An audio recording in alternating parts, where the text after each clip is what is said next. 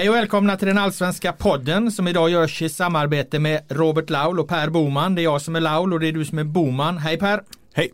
Idag ska vi fokusera på den näst sista omgången i allsvenskan. Både guldstriden och bottenstriden. Vi ska värdera AIKs misslyckande. Vi ska prata om Magnus Persson vs Kalmar-fansen, om bottenstriden, om avslutsomgången, om en omdiskuterad allsvensk tränarranking om vi hinner med och om allt annat som nu kan tänkas dyka upp. Så låt oss kasta oss rakt in i elden. Du är ju precis hemkommen från Malmö och matchen eh, MFF AIK som jag själv inte hade en möjlighet att se en sekund av. Men jag, noterade att det enligt Per Bomans krönika var en kölhalning och att två 2-0 till Malmö FF var i underkant. Ja, det står jag för. Eh, jag tycker att det här var en maktdemonstration utan ens like på ett sätt faktiskt. Oj, starka mm. ord. Mm. För under stora delen av den här matchen så anser jag att Malmö behandlar AIK som ett mindre bemedlat mittenlag som bara ska städas av. Ehm, det fanns liksom ingen tvekan i att Rösle och MFF skulle dunka på den här patenterade pressen på högsta fart då från, från början av matchen. Och det fanns ingen som helst ängslan eh, hos MFF då eh, över vad liksom AIK skulle kunna tänkas hitta på som motmedel. Ehm, det fanns liksom ingen tvekan i hela Malmö om att det var bara tre poäng som gällde, att det var det enda acceptabla. Eh, men alltså okej, okay, AIK var okej okay i första halvlek. Eh, de hade okej okay och koll på eh, Bachirou, Sigthorsson och Goit, låste fast ganska mycket bollar och MFFs mittbackar som var väldigt bra var tvingades ta på sig tidiga gula kort och det är såklart alltid ett orosmoment sådär. Uh, och jag vet att det snackas lite om att AIKs försök till press var helt okej okay och att det var, att det liksom var modigt på något sätt. Men det menar att man försöker ha en aggressiv press i perioder kan ju inte äh, betraktas som modigt av ett topplag liksom. Att det är väl någonting som man måste liksom, det är någonting de måste kunna klara av. Eh, och jag tycker inte de var så bra på det heller. Jag tycker inte det bet så mycket. Det är möjligt att, att, de, att de fick in den pressen okej okay, sådär men jag kände aldrig att, att Malmös backar blev, blev stressade eller pressade på grund av det, att de började slå bort massa bollar eller att de blev försiktiga i sitt passningsspel, tvärtom. Um, och å andra sidan så blev ju då AIK sönderstressade ibland av just Malmös press om man ska jämföra deras olika typer av eh, tidiga pressspel så att säga. Eh, dessutom som trots att det var relativt jämnt första halvlek så skapade Malmö ett stort gäng riktigt feta feta chanser. Men i den andra halvleken då, då säger jag att det var klasskillnad på alla plan, mental, fysiskt, kvalitetsmässigt. Eh, jag skrev i min krönika att Malmö inte körde över AIK utan att de mosade stockholmarna. Och det kan många tycka säkert, det är överord och pajigt, onyanserat kvällstidningsspråk så, men jag står för det. Eh, för det blev så övertydligt att det finns en självklarhet i Malmös spel jämfört med AIKs. Båda lagen behövde vinna, men AIK förmådde inte ta liksom ett eget spel över, överhuvudtaget i den andra halvleken. Samt som Malmö sköljde över AIK i våg efter våg då. Ehm, så det skiljer bara tre poäng i tabellen mellan Malmö och AIK, men spelmässigt och, och, och vad gäller styrkan i laget så skulle jag säga att det känns som att de är ett lag som är 10-15 poäng före. Att borde vara det egentligen liksom.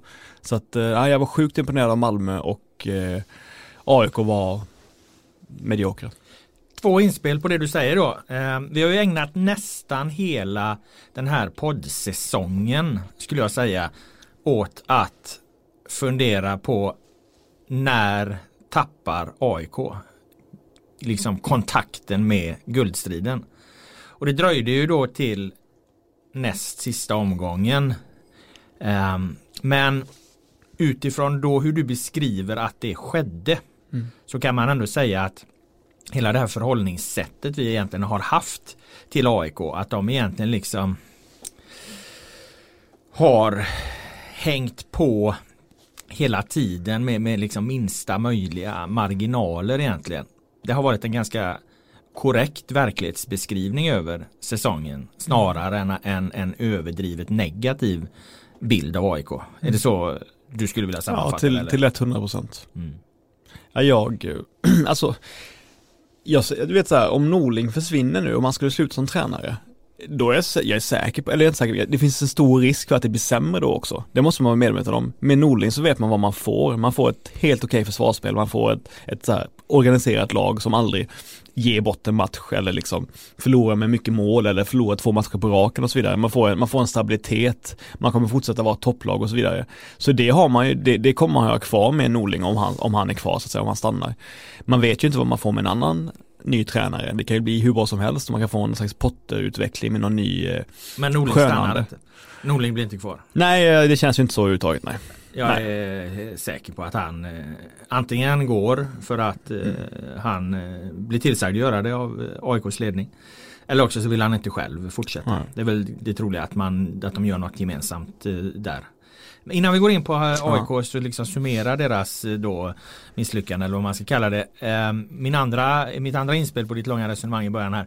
Den bilden du målar upp ehm, Fick du stöd av den efteråt när det var presskonferenser och, och, och så här liksom? Var, talades det på samma sätt om den här då slakten som du beskriver? Var det Röslers bild? Var det Norlings bild? Liksom? Hur, eller hur gick diskussionerna efteråt helt enkelt? Det är jag lite ja, nyfiken på. Ja, men det var ju en eh, oerhört speciell presskonferens. Eh, Rösle är eh, han är, allt, han är en väldigt intressant person och han är, han är inte, vad säger så här, han skyr inte dålig stämning, så kan man säga. Eh, och det visade sig återigen då på den här presskonferensen. När han, han är tysk för fan, han, han är, inte tysk, rädd för obekväma nej, situationer, nej, han är inte som vi här i Sverige. Men han berättade då alltså om eh, att hela deras, på det sättet de hade laddat upp för den här matchen, det handlade bara om hämnd sa han.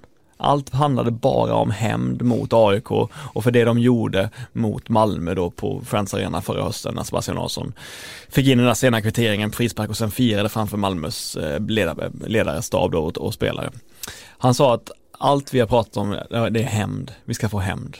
Och det är jätteskönt tyckte han att de kunde sätta ner foten mot det här AIK. Och han var vansinnig över hur AIK hade betett sig även den här matchen. För att AC blev ju skadad då tragiskt eh, med fem minuter kvar eller någonting och då sköt Rosenberg upp bollen på läktaren och ville då Malmö såklart ta tillbaka bollen men Rashidi, jag frågade honom efteråt, han menar att han inte hade uppfattat det då. De fortsatte anfalla AIK och Rashidi så in en boll i straffområdet och det var Rösle var rasande på det. Han var djupt besviken över hur AIK kunde, kunde liksom hantera den situationen på det sättet. Hur bemötte Norling detta på podiet då? Alltså Norling är ju han på samma sätt som, eh, nej men han vill ju inte komma, han vill inte hamna i den typen av eh, ordväxlingar. Jag tror att han är beredd att svälja väldigt mycket, väldigt mycket innan han ger sig in i en aggressiv ordväxling. Han kan komma med en rolig kommentar som liksom förgör Alm, liksom så här som han gjort under året innan. Nu i våras till exempel på, på Friends. Men han vill inte hamna i en aggressiv duell så att säga. Pistol, pistolduell med, med Rösle. Så han, först sa han att han fattade inte vad Rösle menade. Sen fick han förklara för sig och då backade han direkt och sa att absolut, om, om de gjorde så så var det fel liksom. Och han var väldigt tydlig med att, att framförallt deras andra halvlek var väldigt svag. Eh, så Norling vill inte bli en pajkastare tror jag inte. Han vill inte han ville inte ge sig in i det, så att han backade direkt. Eh, och det tror jag för många aik så kanske det kan såra deras självbild också lite att liksom stora starka AIK inte har en ledare som sätter emot då när, när Rösle liksom eh, bulldozrar över hela AIKs självbild på något sätt. Men, eh, men Norling är inte den typen, han vill inte ge sig in i det. Men det här var ju mer ett efterspel då, var liksom ja. allmänna bilden också ja, ja, att, var, ja. att det var så överlägset liksom. Det var höll Norling med, skulle han hålla med om det liksom? Att ja, var... ja inte, inte till ett inte till 100 procent höll han nog inte med, men han var, nog, han var nog helt enig om att andra halvlek hade varit stor klasskillnad, men att han tyckte nog att AIK varit okej okay i första på många sätt.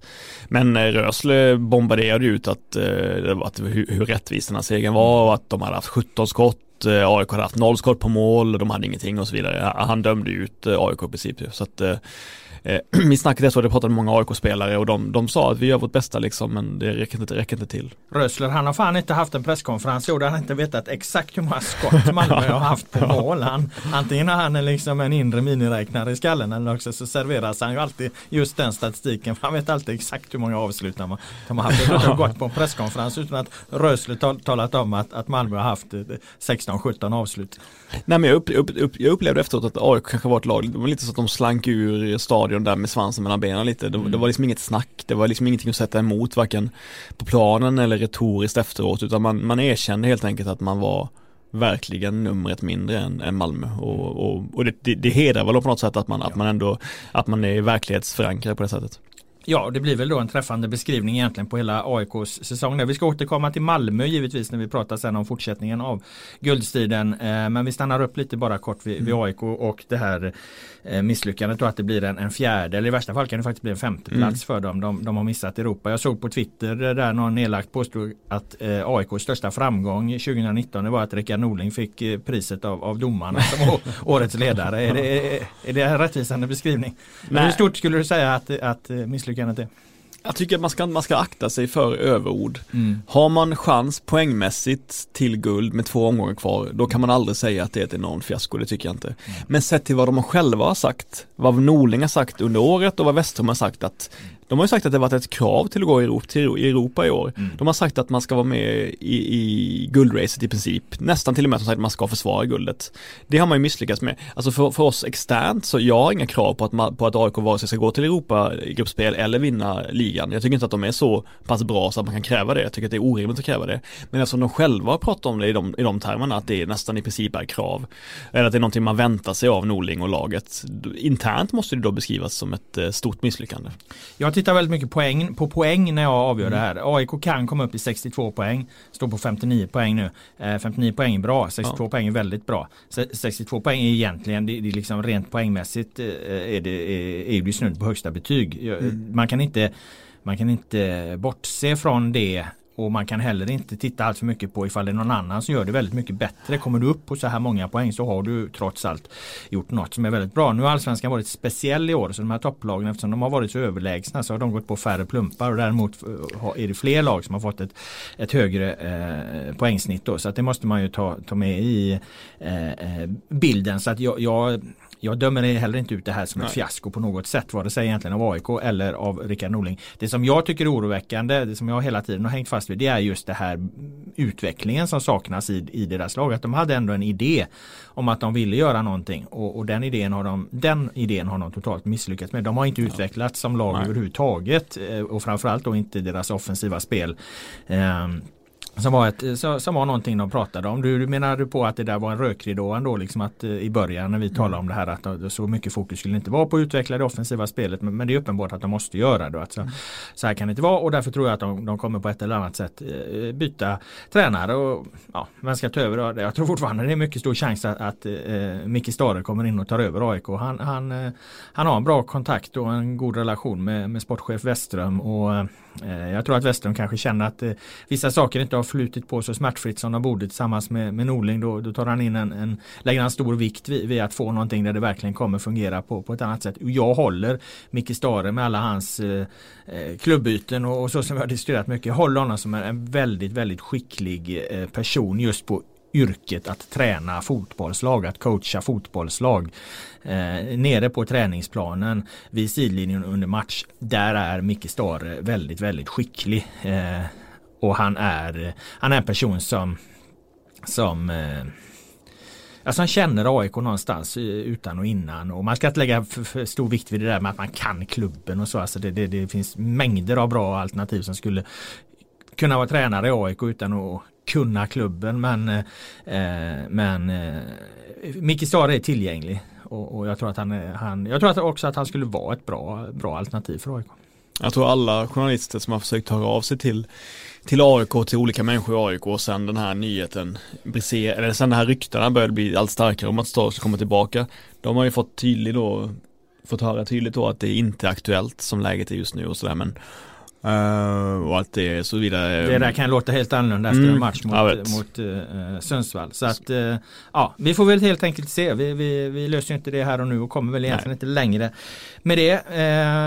Däremot Malmö FF återkommer vi till som sagt när vi tittar framåt. Vi, vi, drar däremot igenom de stora matcherna här i den här omgången först och nästa anhalt då det blir Tele2 Arena, Djurgården, Örebro, Per Boman i tv-sändning inför match 100% säker på hemmaseger och så blev det.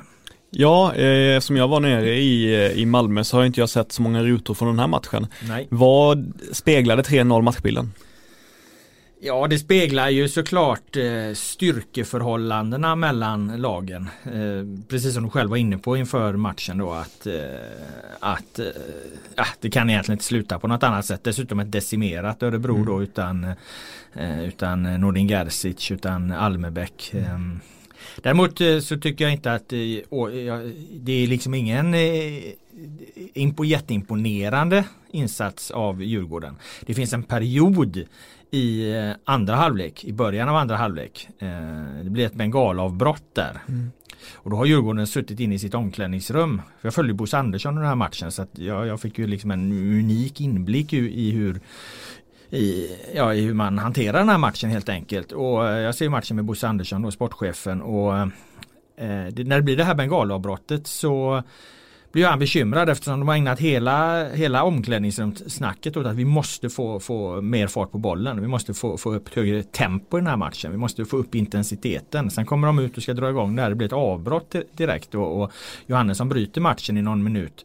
Och Eh, resultatet blir precis tvärtom att intensiteten sjunker. Djurgården blir väldigt passiva. Örebro har sina absolut eh, bästa 10 minuter i matchen i början av andra halvlek och har faktiskt en hyfsad kvitteringschans. Istället gör Djurgården, sticker upp i en, i en, i en omställning och, och gör 2-0 efter en felträff av Ulvestad och börjar Turais styr in den liksom på 2-0 och då är matchen körd så att de, de räddas ju någonstans av det. Men, men det är en period där, där eh, jag märker tydligt på Bosse hur, hur hans sinnesstämning förändras. Han blir väldigt orolig under de här, här 10 minuterna. Så att de med, med, med, det där vill jag säga att de känns lite de känns lite sköra på något sätt Djurgården. De känns lite sårbara. Det känns som att det går, gick ändå ett, till och med ett lag som Örebro när de har en ledning på hemmaplan med, med nästan 30 000 på läktarna så kan de hamna ur, ur balans och, och, och, och i, i tio minuter nästan ingenting fungerar i deras spel. Det här ska inte ses som den eh, huvudsakliga bilden av den här matchen för det är det inte utan det är tio minuter eh, i den. Men jag reagerade på det att det ändå var så pass lätt eller med, med, med så små eh, händelser så, så tappade Djurgården kommandot över den här matchen.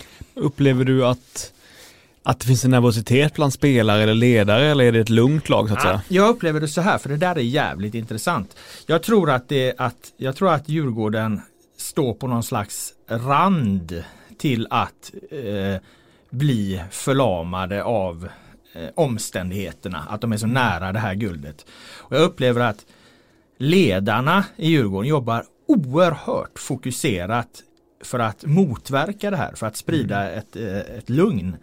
Och eftersom jag som sagt följde Bosse Andersson så var jag ju jag var utanför omklädningsrummet när Djurgården går upp till den här matchen. Jag, okay. jag hade haft en så unik eh, inblick i, i, i, ett fotbollslag någonsin. När de kommer ut ur omklädningsrummet så står jag med Bosse Andersson och, och och, och titta på. Sen går jag mer eller mindre med laget när de ska ut på arenan. Oh, ja, det var otroligt häftigt. Och, och då kommer Thomas Lagerlöf med en kopp kaffe i, i näven.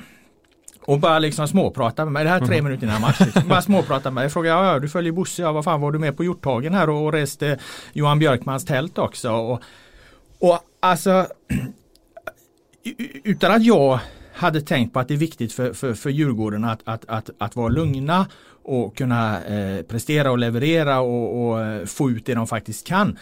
Så, så, så, så tänkte jag bara spontant, herre jävlar vad lugn den här människan är. Vi, vi, vi, mm ifall Sverige hamnar i krig någon gång, alltså låt Lagerlöf leda de väpnade mm. motståndsstyrkorna. Alltså, det var oerhörd, eh, bara, det var sken lugn om honom att det här var inga konstigheter. Liksom. Det, vi, vi behöver inte vara oroliga.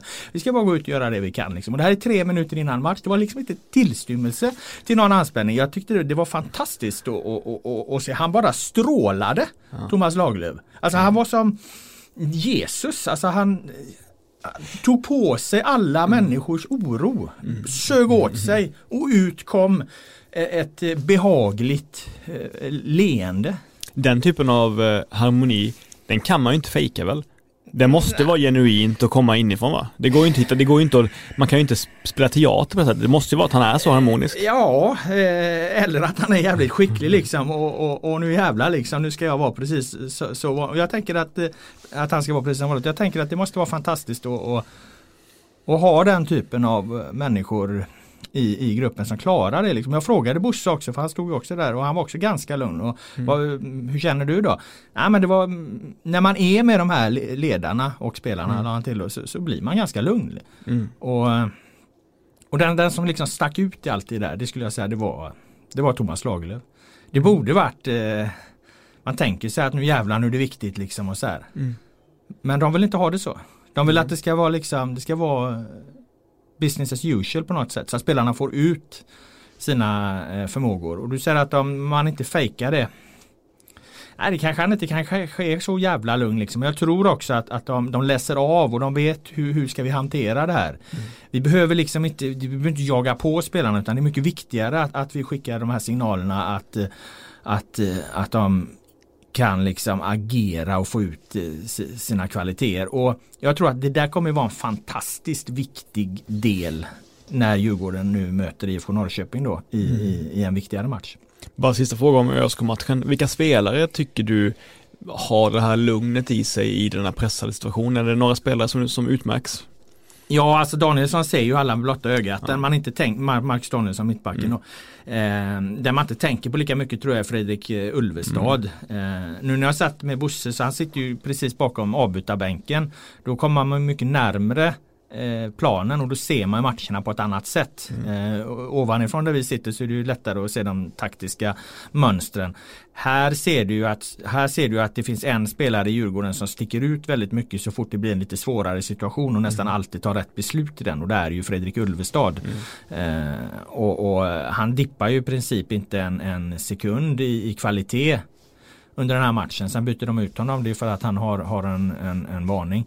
Eh, Annars var det väl intressant med att de hade gjort en förändring gentemot IFK Göteborgs-matchen i Djurgården. Att man satte in Harris Radetinak då. Det sa ju Bosse i alla fall att det handlade om att man ville ha in dels hans eh, duellspel och, och, men också ha ett mycket bättre djupledsspel. Att man, man får en spelare som på ett annat sätt eh, hotar i djupled än vad då hade man ju Astrid som tia och Edwards där ute. Nu hade man eh, Edwards som tia, Astrid var på bänken och, Radetinac där. Och Radetinac tycker jag är en av Djurgårdens absolut bästa spelare mot Örebro. Så att det var ju väl eh, coachat av, av Lagerlöf och, och eh, Bergstrand att göra just det bytet. För att det, jag fick startelvan lite tidigare av Bosse.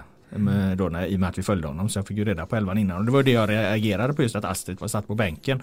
Och varför Radetinac eh, spelade. Och, och då förklarade han just det att man, man, man, man, man var lite missnöjd med djupledsspel, duellspel mot, eh, mot Göteborg. Och man ville ha, ha in Radetinac för att han skulle bidra med det. Plus att Radetinac hade varit jäkligt bra i U21 match i veckan då så att han var formstark dessutom.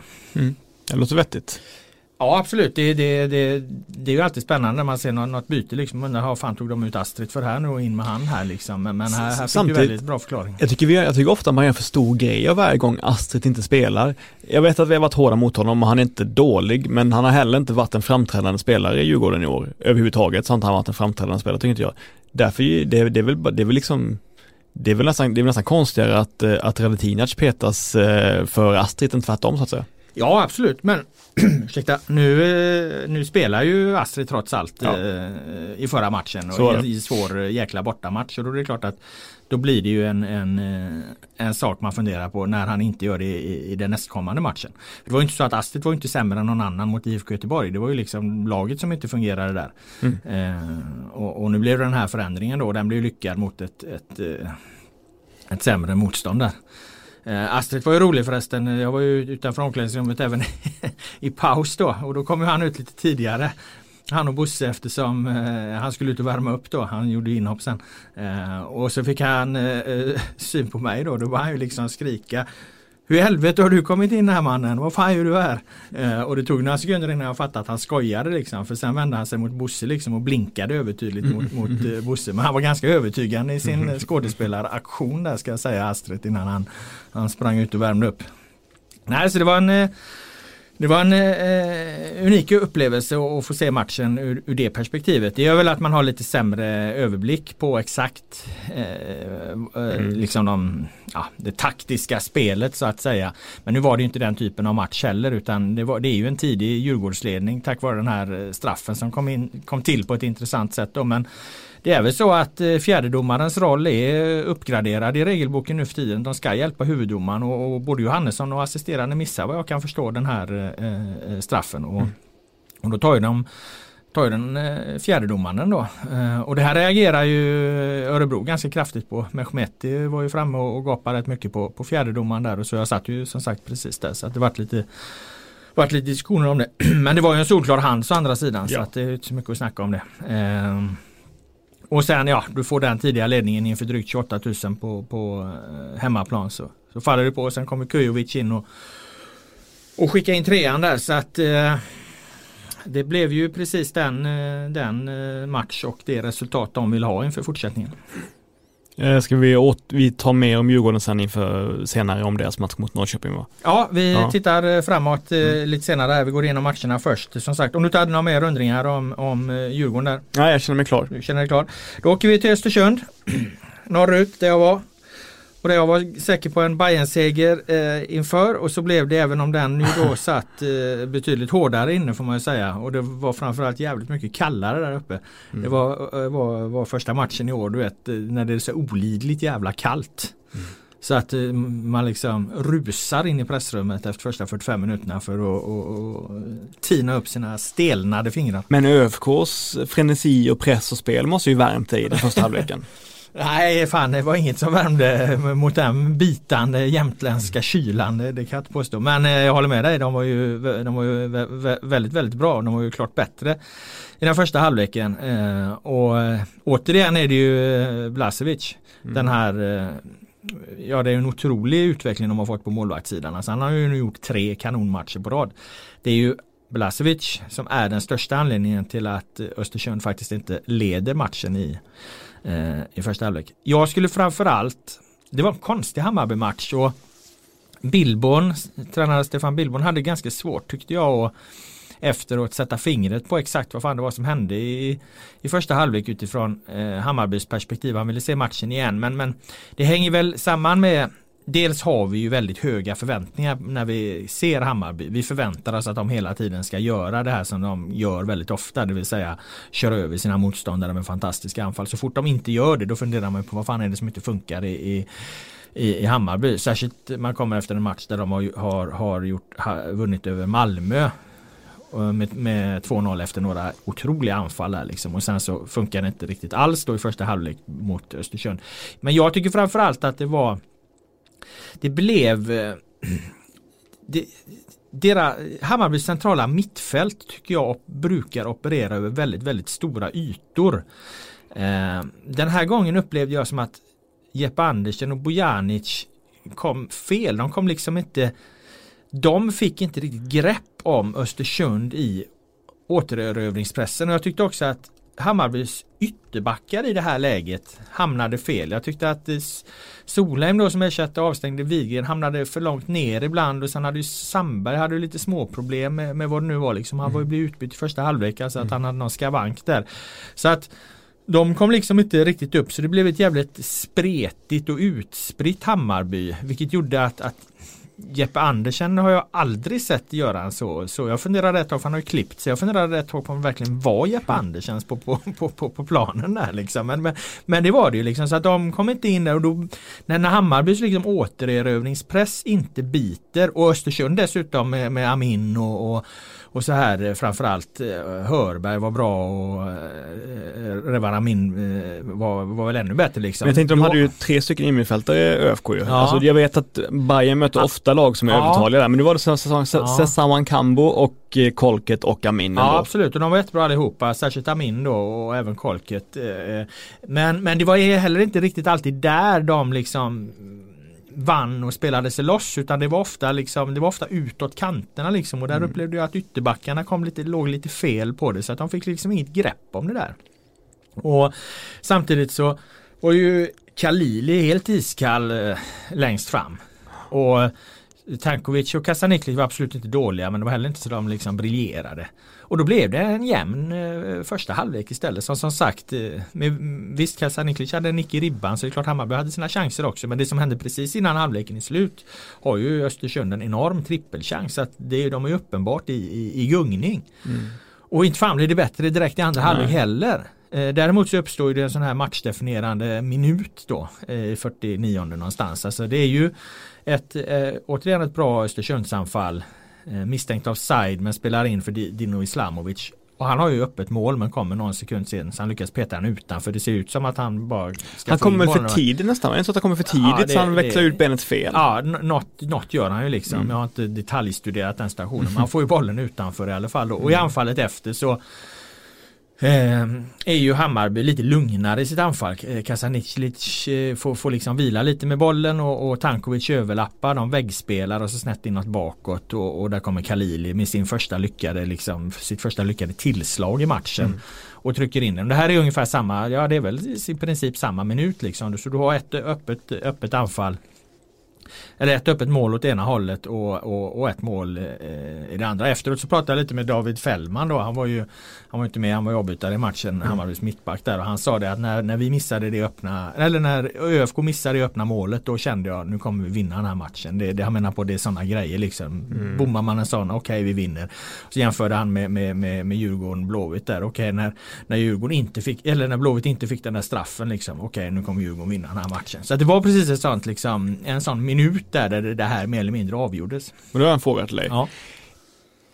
Så här, om du ska vara 100% ärlig nu, är det slumpen, som, ja, är det slumpen som gör att Bayern vinner den här matchen? Eller är det den här mentala styrkan och spelmässiga styrkan som gör att de vinner till slut? Nej, det är inte, det är, det är precis vad det är. Eh, det är, det är kvaliteten. Det mm. är ju kvaliteten i det här anfallet, i det enskilda anfallet. Alexander, Alexander Kasaniklic, eh, Muamer Tankovic, Kalili. Deras enskilda kvalitet i att de drar upp det här. Framförallt Kasaniklic som gör väldigt mycket rätt framförallt Tankovic som gör väldigt mycket rätt och Kalili som ju uppenbarligen då är bättre i den avgörande situationen i straffområdet än vad Islamovic är i mm. motsvarande läge. Eh, men, men, men det är, jag, jag skrev själv om, om, om, det här liksom, hur, vad ska Stefan Billborn göra i paus, vad ska, han, eller, vad ska han säga, vad ska han trycka på och så vidare. Eller är det helt enkelt liksom bara någonstans och, och hela tiden lita på att den inneboende kvaliteten förr eller senare kommer fram. Och det gör den ju också. Efter det målet, eftersom Första målet är otroligt viktigt i matcher. Man kan aldrig bortse från det eftersom mål förändrar matcher och allt det här. Så blir det ett annat lugn i, i Hammarby. Då tycker jag att både Bojanic och Jeppe Andersen eh, hittar mycket, mycket bättre rätt i sitt mittfältspel. De får eh, en större övertygelse i sitt tidiga pressspel Eh, och framförallt Jeppe Andersen hittar mycket bättre positioner. I andra halvlek är Jeppe Andersen med. Han är till och med dominant mm. mellan minut 50 och, och, och 70. Och, och då är det klart, ett Hammarby med, med, med ledning, med medgång, med, med liksom nervknutar som släpper tack vare det här målet och, och med dessutom få tillbaka Jeppe Andersen i spelet. Då är det inget snack, då har de ju två stolpskott där liksom och, och gör ett andra mål och visst, ÖFK reducerar, det blir lite halvdarrigt mot slutet men, men Hammarby är inte riktigt det lag de var i våras där de tappar liksom en 2-0 ledning helt plötsligt. Visst, de, de slarvar in ett men de slarvar inte in två. Um, vi snackade, eller jag tyckte jag var tydlig med innan matchen att, att Östersund borta är svårare än man tror. Mm. Um, kommer Hammarby få en enklare väg mot Häcken hemma än vad de fick mot ÖFK borta?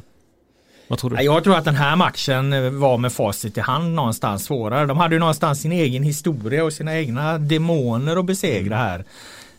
Um, det är, ju allt, det, det, är ju hela tiden det här snacket om att Hammarby är en förlorarklubb och de själva pratar väldigt mycket om att de, de måste agera som en vinnarklubb. Jag tycker väl någonstans att de, de visar att de är eh, vinnare. Det är ingen klockren seger men, men, men de vinner den ändå på, på ett övertygande sätt och, och, i fjol så åkte de upp och då tappade de två poäng just i Östersund och tappade hela sin Europaplats. Nu höll de sig kvar i guldstriden eh, genom det här och jag menar det, det är ju liksom de, de små stegen som till slut bildar en, en, en helhet. Och det här var väl ett väldigt tydligt tecken eh, just på det att Hammarby är, är på väg att eh, skriva om historien om sig själva eh, och, och eh, mer vara en klubb man faktiskt ska förknippa. Vi diskuterar själva där liksom mm. hur, man ska se på Hammarby. Ska man se på någon som vinnaren eller ska man se på någon som förloraren? 2019 är ju Hammarby en, en, en vinnarklubb mycket mer än en, en förlorarklubb alldeles oavsett om de kommer vinna allsvenskan eller inte. Men jag menar att, att ta, som jag var inne på lite tidigare med, med, med poängen där Hammarby har fortfarande chans, en bra chans att nå 65 poäng. Mm. Det, det är fantastiskt att, hämta hem 65 poäng i fotbollsallsvenskan. Hammarby har aldrig tagit så många poäng. Nej. Nej, jag håller med. Det är en, självklart en succésäsong utan dess like. Vi ska återkomma även till eh, Hammarbys avslutning här såklart. Men eh, ska vi lämna matchen Östersund Bayern med det eller hade du Mm, några nej, jag känner mig, jag känner mig fler klar. tankar? Det var ju lite, ju säga, det är ju alltid roligt att bjuda på, på lite bakom kulissen historier så men det var ju Det var ju lite kaotiskt där för att eh, matchen blev framflyttad en kvart för att simor personalen hann ju inte dit i tid eftersom ett flyg inte kunde landa vilket var mycket överraskande för att jag jag åkte ju, då, åkte till Östersund dagen innan, tog ju tåget dagen innan just av den anledningen. Jag tänkte det blir säkert något strul med, med, med resorna på ett eller annat sätt. Så att jag var ju på plats ett dygn innan och, och Ja visst det snöar ju lite på förmiddagen där i Östersund men, men jag menar det med norrländska mått mätt så, så var det ju mer ett, eh, ja, men ett eh, midsommarregn liksom. Alltså det var inte alls mycket snö. Det var, helt- jag tyckte det var helt obegripligt hur, hur det utifrån eh, den väderleken kunde ställas in ett flyg. I så fall kan ju inget flyg någonsin landa där uppe med tanke på att det är så det ser ut där större delen av året. Så att, men det blir Har, fall- har du tagit med den här informationen till flygplatsen och berättat hur, hur, hur, du- hur du känner kring det? Nej men var Daniel Kristiansson då simor kommentatorn där som också eh, var uppe i god tid och inte drabbades av detta. Han, eh, han ville liksom ut i lokalpressen och rasa mot den här jävla flygplatsen där uppe som liksom inte var. Men det visade sig att, eh, och det här kommer ju falla, falla eh, bra hos dig då.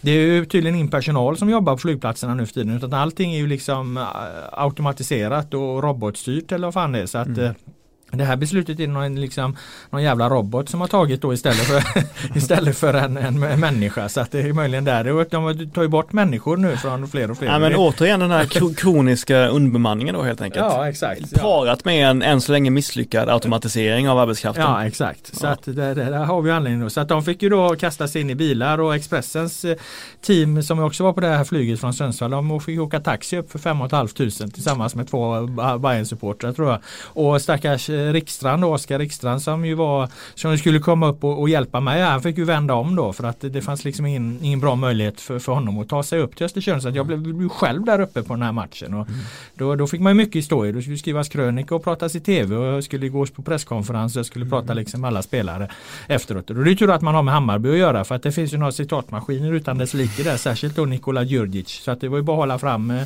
mobilen där i tre minuter och sen så jag skickar ju till dig har vi liksom fem eh, starka rubriker som, som vi kan ösa ut ur ett och samma knäck liksom. Han hade ju dels blivit överkörd av ett tåg tyckte han när han hade åkt på någon smäll där i början. Ma- matchen. Ja, och han hade, nu var det minsann en enorm press på på de andra lagen hade Hammarby satt upp och, och eh, guld trodde han på eftersom karma måste komma in här någonstans liksom. Så att då, då förtjänar de att och, och vinna och alla är rädda för Hammarby för att de är, är vinnare och, och allt vad det var liksom. Så att det var ju liksom, det var en bra eh, en bra fruktsallad där. Bara, bara, bara ösa ur. Så att det är ju skönt eftersom jag var, själv där uppe och skulle få ihop allt detta. Mm. Nej, det var strångt av dig att sy ihop hela den Ja. grejen. Så att eh, Ja, nej, men vi lämnar Östersund och Hammarby med det. Vi kommer tillbaka på Hammarby. Eh, vi har ju en bottenstrid också som eh, är minst lika dramatisk. Vi fick en galen match i Kalmar som Falkenberg vann efter några turer och i Sundsvall fick vi en inte lika galen men, men eh, nästan lika svängig historia som Helsingborg då vann. Men vi kan väl börja i Kalmar. Vi kan väl börja med efter eh, Kalmar Falkenberg där eftersom det har väl varit en av de stora diskussionsämnena i Allsvenskan senaste dagarna här. Magnus, Pers, Magnus Persson versus fansen. Vad är dina fem cent på detta? Ja då, jag blev ju, jag måste säga att eh, få videoklipp, säger man ens videoklipp längre, få, få, få klipp har eh, har gjort mig så illa berörd som just det klippet, eller så chockar mig, det är så oväntat. Eh, jag, jag, jag, jag kunde inte se det framför mig att det skulle hända. Jag tycker att det är som alla andra sagt att det är dumt att ta den diskussionen med fansen i det läget. Tycker det är dumt av eh, eh, ledningen i föreningen att be eh, Persson gå ut och ta en diskussion för det är ju ingen diskussion, det blir bara ja men någon slags så här primalterapi mellan de olika grupperna liksom. Eh, samtidigt så överraskade mig att eh, Persson, alltså rent strategiskt som tränare så är det ju dumt att bita ifrån på det sättet. Eh, jag kan förstå det mänskligt liksom att man, att man tappar och blir ledsen och irriterad liksom. Det är ju som sagt mänskligt men rent som professionell tränare så är det ju inte ett, så var det inte bra för, bra för honom att göra så. Det blir väldigt svårt att upprätthålla eller liksom att, att, eh, att, eh, att, att, att få tillbaka det här förtroendet mellan tränare och fans. Och det är ju egentligen tragiskt att det är så att utövare, både spelare och tränare ska bara ta och sen liksom eh, tacka och gå därifrån liksom. Men eh, det blir ju, jag tror att det blir väldigt svårt att upprätthålla, liksom, eller att, att, få tillbaka den här kontakten mellan, mellan tränare och, och fans i det här, efter det här som hände. För jag tycker att det är är som sagt mänskligt men jag tycker också det är svagt eh, och han borde kunna hålla tillbaka det istället för att ställa sig och skrika tillbaka mot supportrarna. Vad tycker du? Um, ja, men jag tycker att det är några eh, saker som man måste ta med i beaktande när man förhåller sig till hela den här situationen och anledningen till att jag har dissekerat den i flera led då är för att jag har uttalat mig om det i våran tv och då, då eh, får man ju liksom försöka tänka efter då. Och det, det är också problematiskt eftersom du, då är du utelämnad till vad vissa aktörer säger har hänt och du kan inte veta ifall det är sant. Mm. Men jag får ändå lita på att det som folk säger i öppna citat är sant tills motsatsen har bevisats. Mm. Och vad som då sägs är ju att fans hotar med att på något sätt storma planen. Mm. Eller de vägrar eller och de vägrar att lämna arenan ifall inte Persson kommer ut och pratar med dem. Mm. Det är liksom själva förutsättningarna till att det här kommer till. Och det, det för mig förändrar situationen. För då har de satt ett, ett, ett, ett, ett krav eh, som jag har, jag har noll respekt för. Om det nu stämmer. Om det stämmer. Men det, får, det är det jag säger. Jag måste förhålla mig till vad, vad de säger öppet och officiellt. Så länge motsatsen icke är bevisad så, så, så är det min sanning. Att det är så här det var. Eh, och det var de säger. Eh, och då kan jag ju tycka att okej, okay, då ska man skicka dit polis i första hand. Du har, du har ett gäng liksom eh, huliganer eller vad vi ska kalla det liksom, som vägrar lämna arenan, hotar med att storma för att tränaren kommer ut och pratar med dem. Skicka dit polis kan jag tycka. Då kanske klubbledningen tycker att man gör en för stor grej av det då. Om, man, mm. om man skickar dit polis. Så istället, okej, okay, vi bjuder till, vi går dit, vi tar den här så kallade dialogen. When you're ready to pop the question, the last thing you want to do is second guess the ring. At BlueNile.com you can design a one-of-a-kind ring with the ease and convenience of shopping online. Choose your diamond and setting. When you find the one, you'll get it delivered right to your door. Go to Bluenile.com and use promo code LISTEN to get $50 off your purchase of $500 or more. That's code LISTEN at Bluenile.com for $50 off your purchase. Bluenile.com code LISTEN. Och då är det ju utifrån de premisserna Persson kommer dit. En fråga innan du går in på ja. det då. Kan man inte bara låta dem storma planen i så fall då? För det skulle de inte göra. Det skulle, det skulle aldrig bli så. Skulle de springa ut på en, på en, skulle de springa ut på en, eh, på en eh, öde gräsplan, vad skulle det leda till? Jag tror inte att det skulle hända i så fall. Så att det är väl ett ganska, det är väl en papperstiger det, det så kallade hotet i så fall. Ja, det är möjligt. Ja. Men de, de tar väl då ett beslut utifrån vad får Eh, vad, vad, i den här situationen kommer leda till minst mm. antal negativa konsekvenser? Ja. Och ja, det är möjligt att man man kan vara så kall då som Per Boman här och, och säga ja men vad fan låt dem storma, springa in här då. Eh, mm. eller låt dem in, inte lämna eller vad, vad de nu ska hålla på med mm. liksom. Och då, man kommer, då kommer man uppenbarligen i det här läget fram till då att, att det är inte ett bättre beslut att göra så. Det är heller inte ett bättre beslut att skicka dit liksom vakter eller poliser utan vi, vi, vi går ut liksom utifrån de här förutsättningarna. Och om man då kommer, väljer att komma ut då tycker jag att bollen studsar tillbaka på de här supporterna som står där. Mm. Då har de genom ett, ett, ett icke-legitimt krav fått ut eh, tränaren och då har de också ett ansvar att, att uppträda mot honom i det läget. Om de inte gör det, då har jag faktiskt full förståelse för eh, Perssons eh, reaktion. För mig är den inte konstig alls. Var, var, varken mänskligt som du säger eller eh, strategiskt. Och det som också gör att jag tycker att, att jag står bakom den reaktionen det är att hans starkaste utbrott är när han får i det här läget slängt i ansiktet på sig att hans spelare inte har kämpat. Mm. Det är mm. då han brinner till.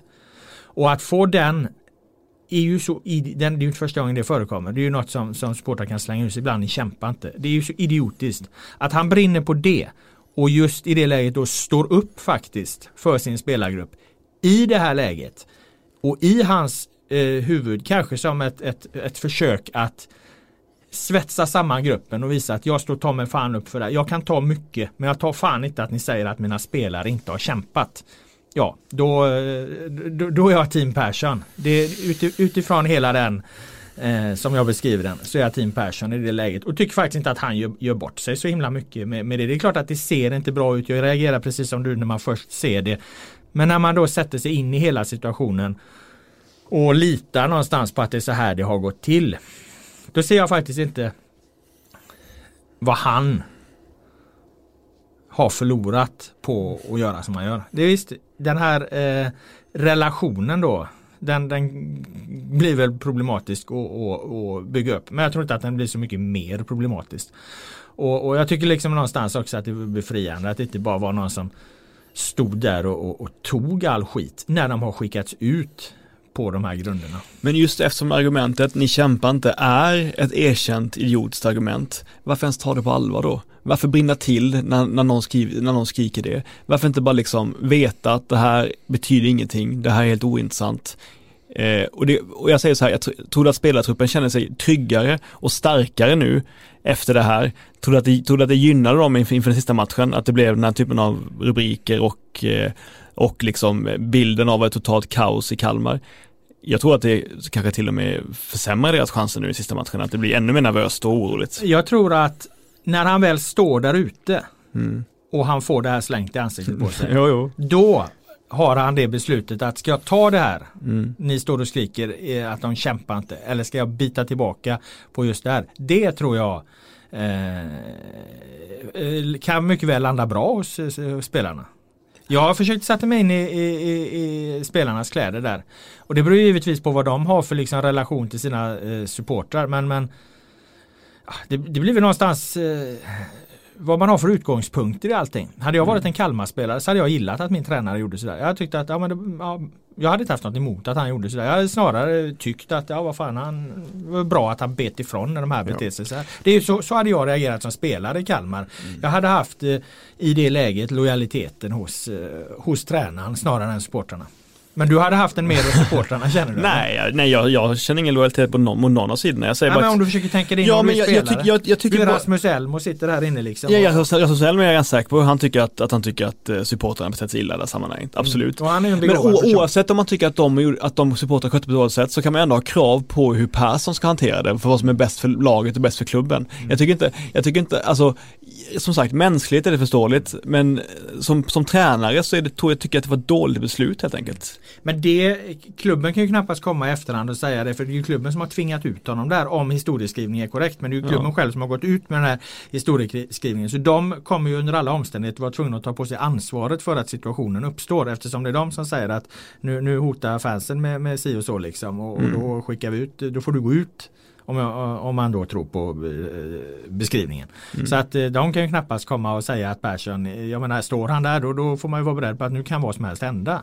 Eh, och, ja, absolut, men då, är, och, och, men, och då, då, tycker jag inte heller skuggan ska landa på, på Magnus Persson. Men hur ofta har du varit med om, har det hänt någon gång tidigare? Det är ju många gånger som ett pressat lag och pressade spelare har fått ställa sig på den här ställa sig framför på det dumma sättet och, och, ta skit och liksom utan att det har lett till de här grejerna, utan att det har lett till att man har liksom slagit tillbaka så att säga. Nej det har det inte men det blir ju nästan alltid eh, rubriker av det, det kommer man ju inte undan. Vi gör ju nästan alltid en vinkel. Slentrianvinkel ja, blir det vi gör nästan alltid en vinkel på Men det är ingen stor grej blir det ju inte. Ja de gick ut och, det blir ju ofta så här. Ja, vi, vi, vi, vi, Nej den blir större, det håller jag med om. Ja, men, men eh, den tror jag är av ytterst, jag tror för det första att hela situation, eller hela den här grejen är av ytterst marginell betydelse för hur Kalmar kommer prestera om en vecka mot, vad är det, Sirius. Jag tror Kalmar är enormt pressade. Ja men inte av det här. Nej, men jag tror det, det bygger det, på. Jag tror det bygger ja, på. Ja, det, det, jag tror att när de går ut i den här matchen det, då har vi mediaperspektivet ifall vi tror att, att de kommer tänka på, på, på det där. Det, det, det bestäms av helt andra orsaker. Det tror jag varken man kan dra några stora slutsatser i den ena riktningen, i min riktning eller i din riktning. Jag tror bara att det, jag tror att det, det bästa för laget hade varit att att svälja den stoltheten, även om det kanske varit rent mänskligt fel att göra det. Att svälja den stoltheten, eh, tänka så här, det, det de här säger betyder ingenting, jag, jag, jag håller uppe, vad säger man, eh, jag försöker hålla en, go en god ton själv trots att inte de har en god ton mot mig och sen går jag härifrån och förbereder nästa träning liksom. Men du frågade mig hur jag tyckte, tycker när de, när i normalfallet när man ställer sig där. Ja. Nej, jag tycker det är lika jävligt varje gång en, en spelare eller ledare står stå, står och tar massa skit där. Jag tycker det är en, en dålig Ja, men säg nej till ledningen är säg nej till ledningen. Jag vill inte gå ut, jag vill Ja. inte gå ut här. Om, om, man, Nej. om man tänker att jag, inte, jag har inte rätt mentalt läge för att ta den här diskussionen. Mm. Får man väl fan säga det, får man svara sin svaga klubbledare och säga så här. Nej, vet du vad, det kommer inte ge någonting att jag går ut här. Nej det kan jag köpa. I så fall. Det köper jag. Ja. Mag- Magnus Persson hade kunnat eh, eh, säga till sin klubbledning det att ja, jag vägrar. Jag går Ja. fan inte ut här liksom. Mm. Men samtidigt så jag menar det, det är ju samma som i det militära. Jag menar det är ju en, en hackordning, en befälsordning här. Jag menar säger, säger de till dig att du ska ut där, ja då ska du egentligen göra det. Men- att, ja. eh, men eh, visst absolut, det är möjligt att det hade varit ett bättre. Men nu, nu redogjorde jag ju för hela eh, historien hur han hamnar där liksom. Absolut. Och den är, är ganska logisk. Då får man också vara beredda på konsekvenserna och då tycker inte jag att Magnus Persson gör särskilt mycket fel när han eh, biter tillbaka. För att han samtidigt står upp för spelarna. Och så att i den uppkomna situationen eh, så gör han mer rätt än fel. Och jag, min, eh, jag tycker att slutsats. som människa är det fullt förståeligt, det mänskliga i det är fullt förståeligt, men som professionell tränare så menar jag att det var, ett över, var överilat att reagera på det sättet. Det får ju i alla fall konsekvensen att eh, Kalmar är kvar i den här bottenstriden då. Inte det eh, bråket men Mm. eh, det som hände på planen då precis innan. När de tappar till 3-2 Precis. hemma mot Falkenberg. Mm. Vilket i, i, i sig är otroligt. Ja, nej men det är ju ett sens- sensationellt dåligt resultat i det här läget. Eh, Att det är en match där är oavgjort är ett väldigt, väldigt bra resultat för Kalmar. Så släpper de in tre mål på hemmaplan. Eh, det säger väl någonting. Vi hade ju en diskussion om huruvida vi skulle ha Viktor Elm med på, på våran 50-lista eller inte. Och eh, en analys av den här matchen, jag har inte analyserat den på djupet, men den har ju varit just det att Viktor Elms betydelse för Kalmar i den här matchen var väldigt, väldigt stor. Han saknades ju, han spelade inte i den och sen släpper de då in tre mål. Nej, precis så är det ju. Eh, eh, sen är det ju Kalmar, det, är ju, det som är det tragiska är ju att Kalmar har ju fokuserat väldigt mycket den här säsongen på att vara ett försvarande lag. Ett lag som släpper in få mål.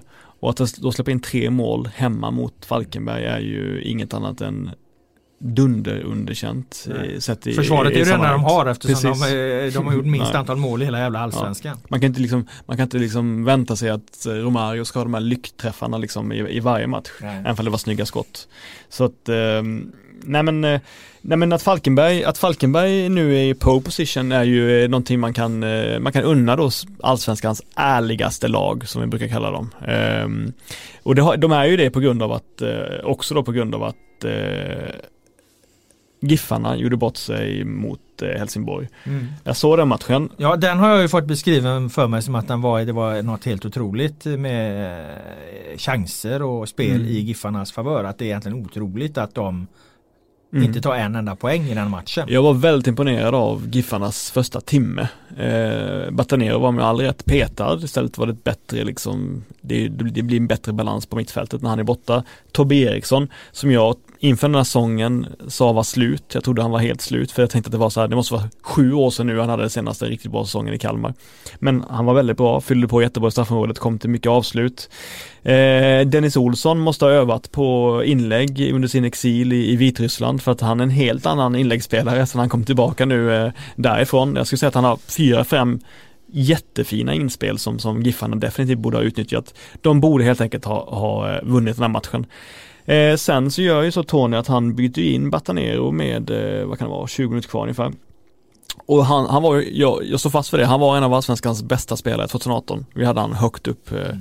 på den här listan. Eh, eh, men i år har han istället varit någon slags jävligt tungt ankare som har dragit ner eh, det här Giffarna till, till botten då. Han har varit obrydd, otaggad, osympatisk på det sättet att han inte har liksom hängett sig eller engagerat sig i den här bottenstriden.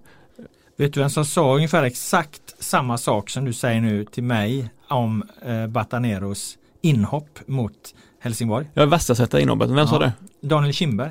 Jag träffade honom uppe, i- jag träffade honom uppe i, jag träffade honom uppe i Östersund i samband med matchen Ja. och han undrade vad fan gjorde Batanero när han kom in mot Sundsvall och då hade inte jag sett det. Så jag fattade inte riktigt vad han menade. Men han, han, han, han, han misstänkte att han kom in och förstörde för laget mer eller mindre. Ja, det var ju näst- Han antydde ju Ja. detta Kindberg att Batanero kliver in för att förstöra och sänka sitt eget fotbollslag.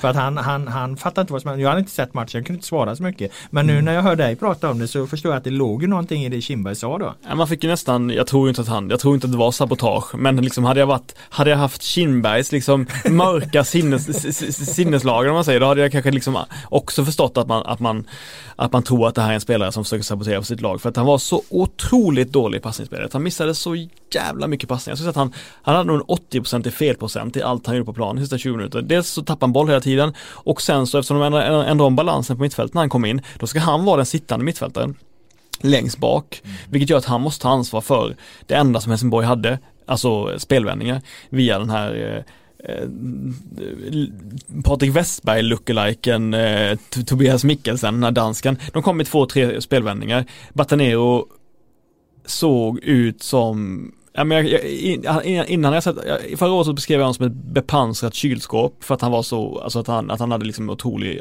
range i sina passningar, han har fantastisk möjlighet. Han, alla vet att han är, när han är i form så är han kanske allsvenskans bästa passningsspelare eller en av de fem bästa i alla fall. Men, men nu så han bara ut som ett kylskåp, alltså otroligt trög hemåt, otroligt trög. Så att de kunde ju, de kunde ju ostört kontra hem två bollar. Men är det inte ett katastrofalt Jo, byte det är det. av Det är Tony det. Tiger? Det Det är är, det. väl han som ska, ska ha skiten Ja. här liksom. Han Ja. kommer och är på väg att rädda sitt lag och nu sänker han det istället. Ja, det är ett, det är, ja, det var ett jättedåligt byte. Extremt dåligt byte. Sett till att de också visst, som jag har fått uppfattningen att de ändå har koll på att han inte har varit 100% engagerad i Giffarna Och bra i försvarsspelet har han ju aldrig varit. Nej. Det, det är ju det, det Nej. är ju därför han inte, det är ju Ja, därför men- han är i Sundsvall. exakt. För att han är så dålig på den delen. Och det har han ju alltid varit. Ja men istället då för att Batanero ska, ska alltså Batanero, jag kan förstå om man vill ha upp honom i, i liksom passningsspelet, i det, i det svåra ris- risktagande passningsspelet i slutet av matchen. Men istället är det Juanjo som går högre upp i banan och Batanero som kommer längre bak. Vilket gör att mitt, de stackars mittbackarna inte har hjälp av någon alls när de flytta upp. Så den här Mikkelsen som var totalt iskall första 70 minuterna nu var, alltså riktigt jävla dålig liksom första, första 70. Han kom in och, och slog in två stycken klassavslut jättefina Marcus Rosenberg avslut som, som, eh, som verkligen fick mig att omvärdera honom. Eh, men, men, eh, men det här gör ju att eh, Giffarna är, de är fan ute. De är ute. De, visst, de kan slå... eh, Kan inte de skrälla mot AIK tänker jag då i, i sista här. Vi glider lite osökt över nu då på, på Mm. fortsättningen här och börjar då nerifrån eh, kan Mm. vi säga då. Eh, eftersom det är där vi någonstans hamnar ändå. Vi har ju då en, en bottenstrid där i, Sundsvall ligger på nedflyttningsplats med 20 poäng. Falkenberg är ju på kvalet med 22 och sen har du Kalmar på 23 strax ovanför. Så det är de tre lagen plus AFK, AFC Eskilstuna. De är också 20 poäng. Så det är fyra lag det handlar om. Mm. Och Falkenberg och AFC Eskilstuna möts ju och sen så har du Sundsvall mot AIK då och så Kalmar mot, eh, mot Sirius eh, borta. Eh, men du tror Giffarna är ute? Alltså de har ju bäst målskillnad ju. Så Mm. att, så att eh, säg att Sundsvall vinner och Falkenberg kryssar, då, då, eh, då får de ju kvalplatsen. Ja. Eh, men varför skulle Sundsvall slå AIK borta? Jag vet att. AIK är, är, är, vad gjorde dålig insats mot Malmö borta, men, men hemma Nej nu mot- talar vi om en helt annan match. Ja givetvis, exakt, så, att- så jag, jag, jag visst det finns, det finns en, Nej. det finns mellan 5 och 10 procent chans att, att Sundsvall skräller borta mot AIK. Nej. Absolut, Det, det logiska är väl nästan faktiskt att Falkenberg klarar det här. självklart. Att de, att de slår AFC. AFC hade ju sin chans men de, de kryssar ju bort sig här nu. Mm. Jag såg den matchen också, de hade Ja. jättemycket lägen. Ja. Sirius var jättedåliga ska jag Ja, säga nu på, på Tunavallen. Så att de hade mycket lägen, AFC borde vunnit den matchen om de hade kunnat eh, sätta min favorit Nanamani lite mer i spel. Tycker Adenaj var lite självisk och sådär. De, de, var, det var, de slarvade bort den möjligheten. Sam, och, och AFC upplever inte jag som ett bra gräslag. De har tagit en poäng på gräs i år borta mot Kalmar och det säger ju ingenting sett till hur usla Kalmar är. Så att, eh, nej, Falkenberg, Nej, så att det Falkenberg får kvala. Ja, det, nej, Nej, det- Kalmar får kvala. Kal- Kalmar får kvala. Det troliga är faktiskt att Kalmar då eh,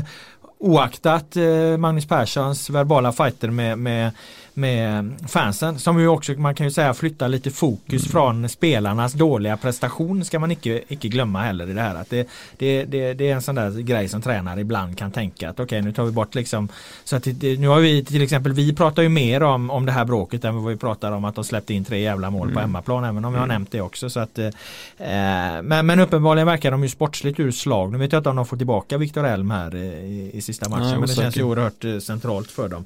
Eh, men, eh, men det räcker inte med kryss för dem heller om vi då om du leker med tanken att Falkenberg faktiskt vinner. Så det troliga är kanske då ändå att Falkenberg klarar sig kvar i allsvenskan. Mm. Kalmar får, får får kvala och så Sundsvall och AFC åker rakt ur då.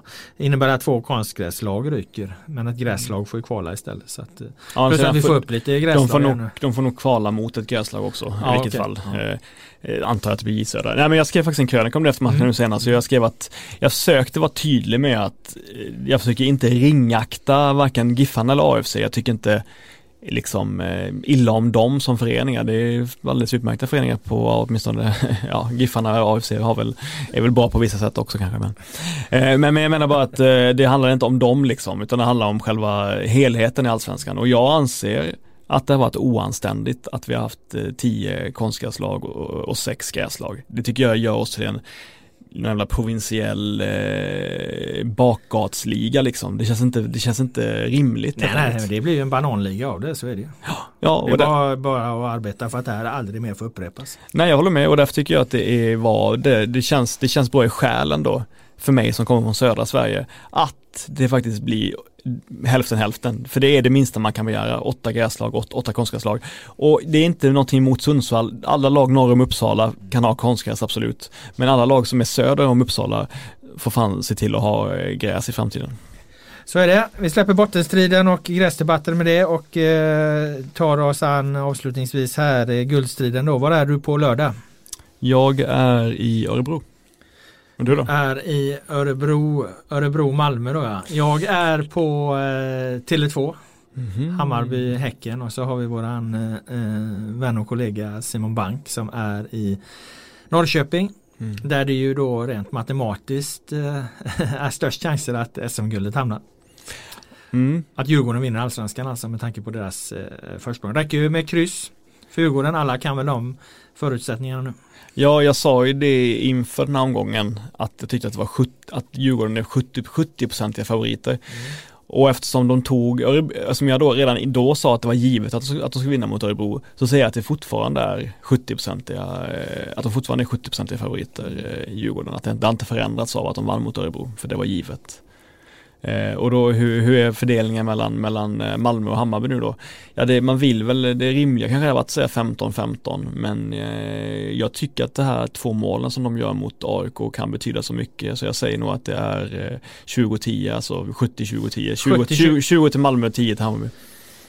Fastän då Malmö spelar på konstgräs, konstgräs mm. som de eh, har varit oerhört svaga på i år. Mm. Eh, fastän Anders Christiansen mm. försvann va, så de har inte honom heller. Senast Malmö spelade på konstgräs förlorade de mot Hammarby med 2-0. Innan mm. det så hade de ju AFC jag borta vet, och då var det just vet. Anders Christiansen som är 77 kan ha varit det. Mm.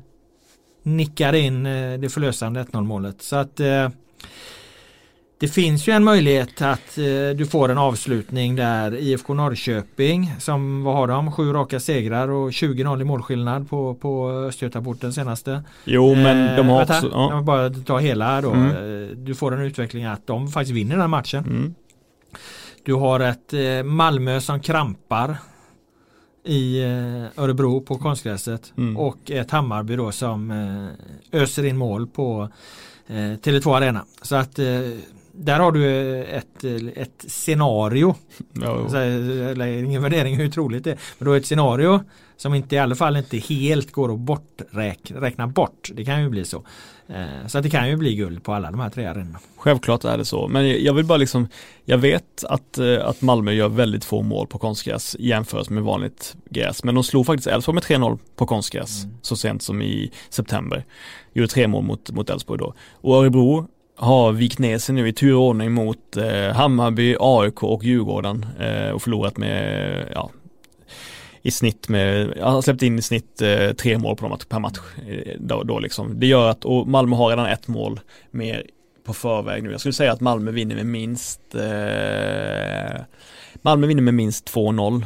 Med två, minst två mål mot, eh, mot Örebro. Det kan jag slå fast här nu. Det gör att Hammarby måste väl göra fyra mål då va? Tänker jag rätt? Eh, fyra, mål, fyra fler mål än, än, eh, än Häcken om då eh, om, eh, om Djurgården torskar då helt enkelt. Jag tror Norrköping vinner med 1-0. Jag tror Malmö vinner med 3-0 och jag tror Hammarby vinner med 6-2. okay. Ja men då vinner väl Malmö eller? Då vinner väl Malmö i så fall? Gör det? Nej skitsamma, jag tror det. Jag tror, jag tror att du räknade fel där men, men jag är inte Nej säker. men jag, jag, jag har inte räknat, jag bara tror det var bara de spontana resultaten som kom upp i huvudet på mig nu när vi, när vi satt och, och, och, och pratade om det här. Men alltså, Norrköping petar in ett mål och sen en massiv Djurgårdspress. Eh, halvkrampaktigt för, för Malmö där på, på, i Örebro men de gör ändå tre mål. Det, det kan de absolut göra. Det, alltså mm. Malmö kan göra tre, tre mål även om de krampar. Mm. Och sen har du då eh, ett eh, inte helt otroligt målkalas på, på, på Tele2 Arena för det brukar det bli där. Nej jag håller med, det är rimligt att de vinner med 6-0. Absolut. Nej, men, nej, alltså, 6-2 sa 6-2 sa du, förlåt. Ja. Eh, nej men jag tror att eh, Häcken kommer älska att spela den här matchen. Jag tror inte de kommer ställa ut skorna. Jag tror att Häcken är precis ett sånt på vissa sätt lamt lag som kanske till och med tycker att det är skönare att spela när det inte är lika stor press på dem, eller hur? Mm. Jag tycker känslan är att Häcken viker ner sig när det, det vet vi ju när de möter ja, storlagen, när det gäller som mest. Då kan man inte lita på Häcken. Mm. När kan man lita på Häcken? När det gäller som minst för deras egen del. Mm. Så jag tror att de kommer tycka det är ganska kul att spela den här matchen. Jag tror att Häcken kommer göra mål. Bayern vinner, det är jag ganska säker på, men Häcken kommer göra mål i alla fall. Men tror du inte Norrköping känner, sätter en ära i att kliva in här och, och, och eh, som våran kollega jag tror det var Oshin som sa det. Mm. Eh, Cantwell var kollega här på Aftonbladet som är en stor AIK-supporter. Han, eh, han menar på att framförallt så vill de ju inte ha att deras, eh, att deras arena ska invaderas av Djurgårdsfans. Ja, så, så, att eh, där har du liksom en morot. Sen har ju Norrköping... De blev ju vansinniga förra gången det hände när ja. Malmö invaderade ja. när de vann 2017. Sen har ju Norrköping en teoretisk möjlighet att mm. nå, att nå en fjärdeplats också. Nej men jag har all respekt i världen för Norrköping, jag tycker att det är ett fantastiskt lag. Men hur många matcher har eh, Djurgården förlorat eh, utanför Stockholm i år? Nej men Djurgården har ju bara förlorat sina derbyn. Ja, de har inte förlorat en enda match utanför Stockholm. Jag tror att derbyförlusterna är en anledning till att det har gått så jävla bra för eh, Djurgården i år. Ja, utveckla det.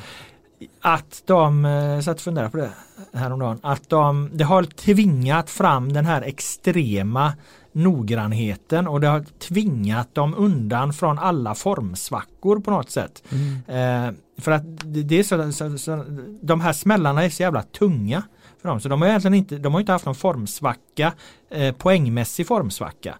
Utan de, de, de har ju liksom på ett eller annat sätt eh, löst det. Jag tror faktiskt att, att derbyförlusterna har bidragit till det. Att det, det har ställts på sin spets så mycket för, för, för Djurgården så att de de har bibehållit noggrannheten i att leverera eh, tack vare att de har förlorat de här matcherna. Jag tror mm. inte att det är helt, helt långsökt den eh, teorin faktiskt. Nej, ja, det köper jag fullt ut. Att det, att det har varit att det har varit, eh, för att överleva har varit nödvändigt att, att hantera på det sättet, självklart. Det, det är jag helt enig med dig om. Men eh, men du, du slår fast att Hammarby vinner guld eller? Nej jag vet inte, jag har inte räknat på om det blir så med de här resultaten som jag sa. Jag bara fick en snabb... Ja, men du sa att de vinner med fyra plusmål sa du att Hammarby, Hammarby vinner med fyra plusmål. Ja. Men du sa ju att Malmö vinner med tre plusmål. Ja Malmö vinner med tre plusmål. Då får de ju exakt, för Malmö, Malmö har ju ett mer plusmål inför den här. Ja. Och då hamnar de på lika många mål. Ja, ja då vinner Bayern. Och då vinner Bayern för att de har fler, fler mål. Fler ja, gjorda totalt. Men då måste Djurgården förlora också. Ja, ja men det var ju bara de spontana resultaten. Jag, jag brukar få upp eh, spontana resultat i huvudet ibland och de brukar sitta ibland också. Mm. Vi får se om de gör det den här gången. Ja, men det... Det, jävla, det, det, det är ju den, det är den mest dramatiska upplösningen. Att det blir eh, något sånt. Det är klart att då är det ju Du är inte Djurgården med och jagar för att det här krävs ju att Djurgården förlorar. Så i så fall är det bara två lag som kan jaga mål mot varandra. Att du får mm. Hammarby med tio minuter kvar. Hammarby eh, som, som måste göra ett mål till. Att Malmö måste göra ett mål till. Mm. Vad tror du kommer bli roligast då? Vilken arena kommer bli roligast att vara på? För den neutrala eller för vilken, vilken match ska man se som neutral? Nej men det är ju Djurgården, Norrkö eller Norrköping-Djurgården. Det är mm. ju liksom någonstans eh, Det är ju fokusmatchen. Eh, jag menar vi skickar dit bank. Vad har du Simor ser som huvudmatch? Det måste ju ha mm. Norrköping. Det är ju där mm. liksom.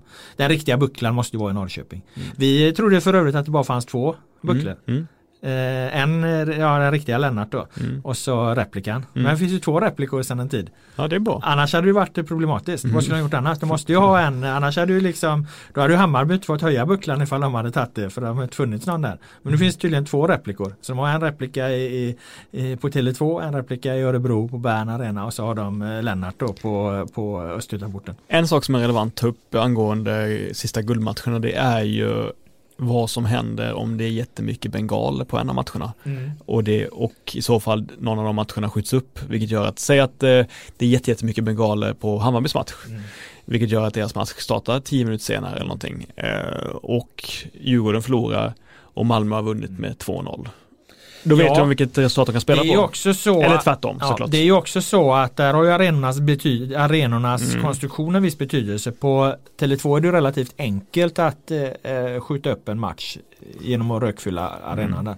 Däremot på Bern Arena eller Östgötaporten är ju öppna arenor Ja, på ett helt annat sätt. Så där går det ju liksom inte. Nej. Vi pratade om det och- häromdagen med andra och eh, vill man ha vunnit ett guld på det sättet då att man medvetet försöker fördröja till exempel vid Hammarbys fall så att man eldar på så in i helvete så att man får 10 minuters försening. Eh, vill man göra det och ha det liksom bära med sig det att det var så man i så fall vann guldet. Det kanske man skiter i, jag har ingen aning. Jag hade inte velat det. Jag, jag, jag hade vägrat att gå med på det om jag hade varit supporter. Men det är rätt många saker som skiljer mig och den här typen av engagerade fans åt så att de kanske resonerar annorlunda. Eh, ett annat sätt är ju att, eh, att du pausar överallt Mm. på kommunikation. Blir det en långvarig, misstänker man en långvarig fördröjning i eh, Stockholm till exempel Mm. så pausar du matcherna i Norrköping och Malmö. Det skulle man kunna ta ett beslut om att omständigheterna är så speciella Mm. så att du måste göra det. Jag tycker att förbundet ska vara väldigt kreativa eh, i för att lösa den här grejen för att det skulle vara kännas solkigt ifall det blev något sånt, något sånt. Så att eh, jag tycker att, ja men till exempel göra så att andra halvlek startar samtidigt på alla Mm. arenor och så vidare. Ja det är ju ett sätt att, Ja. att lösa det men då går det ju alltid att skjuta, då går det alltid att rökfylla arenan även i andra halvlek. Så Ja, att, så då måste man ju ha den eh, nödlösningen i så fall. Det var det du sa, att man har direktkontakt mellan domarna. Det har väl aldrig hänt i och för sig, så jag har svårt att säga att det skulle hända. Nej, men det har fan knappt varit den här situationen heller. Jag vet inte. Nej men det var, jag vet inte, det, var, det känns som att det var ett problem den gången när till exempel Malmö mötte eh, Elfsborg hemma och Blåvitt mötte Halmstad borta där vid 2004. Ja just det, 2004 var Mm, det lite liknande. Nej. Ja, vi får se helt enkelt. Ja, eh, absolut sista vi kan ta upp är eh, vi hade en tränarranking ute så får vi med lite om andra lag här också. Vi har fokuserat på guld och bottenstriden. Vi har en mittenstrid också. Tyvärr såg ju ingen av oss matchen mellan Elfsborg och IFK Göteborg till exempel då, som Elfsborg vann med 2-0. Men vi kan ju plocka upp det ur det perspektivet att eh, vi satte betyg på de allsvenska tränarna här, låg ute i helgen, blev omdiskuterat som vanligt, särskilt då betygen på Poya Asbaghi, Jimmy Tillin och Rickard Norling som jag gav 3 plus för säsongen medan jag gav Uwe Rösler en 4. Men i och med de resultaten vi fick i den här omgången nu så landar väl de där betygen ganska rätt ändå även om jag vet att även Per Boman hade lite synpunkter. Nej men jag, Ove Rösler är absolut en fyra för mig. Det har jag inga problem med. Uh, Jimmy Thelin är en svag trea, absolut. Alltså du köper trean på Tillin ja, jag gör väl det. efter eh, 2-0 mot Blåvitt. ja men det, var- det var inte starkt där med resultat tycker jag ändå. eh, De han har gjort det resultatet är starkt. Eh, nej men han ku- kunde lika väl fått en tvåa för mig men, men jag, jag tänker inte liksom, jag tänker inte ta strid för att, för att det skulle vara en tvåa. Däremot så upplever jag att Poya Asbaghi är en svag fyra, det måste jag säga. Eh, för min del så är han en fyra och det är, jag vet att du inte utgår från det, men om jag utgår från vad jag trodde de skulle vara, om jag inte utgår från vad de har för lönebudget, om jag inte utgår från vad, vad Blåv, att Blåvitt i grunden är en storklubb och så vidare sådär. Då, eh, vad jag trodde om Blåvitt, vad jag trodde om spelarna i laget, vad jag trodde de mäktade med, då eh, trodde jag eh, att de skulle hamna på mellan tionde och tolfte plats eller sådär. Eh, ja, eller tolfte tro- trodde jag skulle, jag tror jag tippade om tolva. Eh, och det de gjorde med att man fick till som spelare som Patrik Karlsson Lagemyr att bli en dominant allsvensk spelare, den har aldrig varit tidigare. Att de satte pressbild på det sättet de gjorde under våren. Att, eh, att spela in ungdomar som var hade, hade betydande roller och, och såg väldigt fina ut. Allt det var väldigt imponerande för mig. Sen visst, augusti och framåt, inte lika imponerad. Såklart, det är jag inte. Men så sammantaget så ser jag det som, eh, som, eh, som, tre, som, som fyra svaga plus. Jag hade ju Poja som stark trea i våras då, mm. då när mer av det här fungerade som du säger. Så att det var ganska eh, självklart att snarare peta ner honom några hack ur, mm. ur det utgångsperspektivet då att han, att han fick en lite svagare trea nu då än han hade i Eh, i våra, eller i somras när jag betyg, gav eh, terminsbetygen då, nu var det examensbetyg. Ehm, men eh, Blåvitt är ju speciellt på det sättet för det är den enda, enda föreningen som samarbetar med ett spanskt konsultbolag och eh, en person där är ju Ferran Sibia som har kommit in som en, en konsult då och en av hans, Ferran Sibia är ju det här spanska företagets då representant på plats som IFK Göteborg har tagit hjälp av och då blir det lite speciell situation att förhålla sig till det jämfört med andra då lag som är kanske har något team eller så. Så att eh, det, de blir lite luriga att bedöma eh, därav. Så att eh, det och det jag sa innan med, med, med, med att han hade en trea förra gången utifrån hur jag bedömde det då och eh, utvecklingen som har varit neråt under eh, hösten och ganska kraftigt neråt ändå och att vi har en ovanligt svag eh, nedre del av tabellen. Det, det ser vi på, på mm. topplagen att de har tagit väldigt mycket poäng och IFK Göteborg i dagsläget då eh, ändå bara har eh, 45 poäng. Mm. Så tycker inte jag att man kan få en fyra. Man kan inte få en fyra som tränare i IFK Göteborg när du också har den liksom sjunde största ekonomin. Och, och, och jag tittar ändå mycket på, på, på poäng liksom. Tar du inte i den här allsvenskan mer än 45 poäng sammantaget då får du en tre. Mm. Nej, men, det är eh, mina argument. Ja, dina argument är giltiga, absolut. Men, eh, jag tycker man ska över 50 poäng i allsvenskan för att, för att få en fyra. Fast att, att, om Hasse Eklund hade tagit, tagit Falkenberg till en, till en tionde plats så hade han väl haft 4 fyra plus. Ja, det hade han haft eftersom de har sån enormt mycket mindre ekonomi. Ja, exakt. Nej, men alltså ekonomiargument tycker jag är, är giltigt och det allsvenskan mer än någonsin styrs av ekonomi. Det är tydligt att, att, att det kommer vara samma topplag i många år framöver på grund av att de eh, har större möjligheter tack vare sin ekonomi att vara liksom mer professionella fotbollsklubbar. Men eh, så här, jag upplevde inte att truppen de hade i våras korresponderade inte med hur mycket pengar de lägger, lägger så jag menar. Eh, jag kände att eh, truppen var ingen topp 7-trupp. Och därför... Det var helt enkelt Mats Gren som hade eh, gett för höga löner till spelarna. Ja precis, å andra sidan så har ju några Mats Gren-värvningar har ju visat sig vara jättefina. Karasvili, Alassan Yusuf och så vidare och så vidare och så vidare. Eh, men jag visste inte att Yusuf var så här bra. Jag visste inte att Nygren skulle slå igenom. Jag trodde inte Karasvili skulle vara så dominant. Jag trodde inte att Paka Lagerby skulle vara en av Allsvenskans bästa offensiva spelare under våren. Och jag måste, måste man ändå ge tränaren att han lyckas få ihop det. Och det tycker du är 3 plus. Det tycker jag är 4 svaga plus.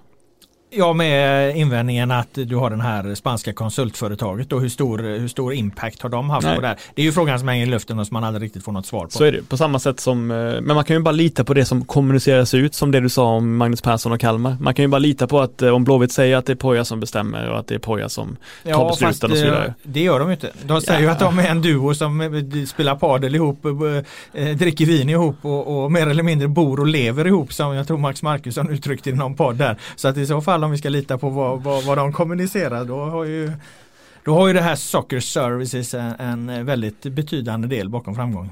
Ja men det tror jag att de har, absolut. Men då är det ju, då är det ju Men som sagt, och jag säger inte att det kanske inte liksom ska eh, egentligen avgöra hur betyget så. Men jag säger att det, det, det, blir lite speciellt med IFK Göteborg just för att de, de, har valt en extern konsultlösning som, som man kan eh, ägna en helt annan podd åt att fundera på om det egentligen är bra eller dåligt eller hur man ska förhålla sig till sådana saker. Men det kan vi prata om en annan gång. Eh, nu har vi suttit här och mm. eh, babblat länge nog. Eh, vi är tillbaka, tänker vi, på söndag redan. Guldstriden avgörs ju och bottenstriden på lördag. Och vi gör en avslutningspodd för den här allsvenskan på söndag så vi får ut den tidigt. Eh, fram till dess så tackar jag dig Per Boman för att du var här med dina kloka synpunkter och åsikter och jag tackar alla er som har lyssnat. Ha det bra så länge.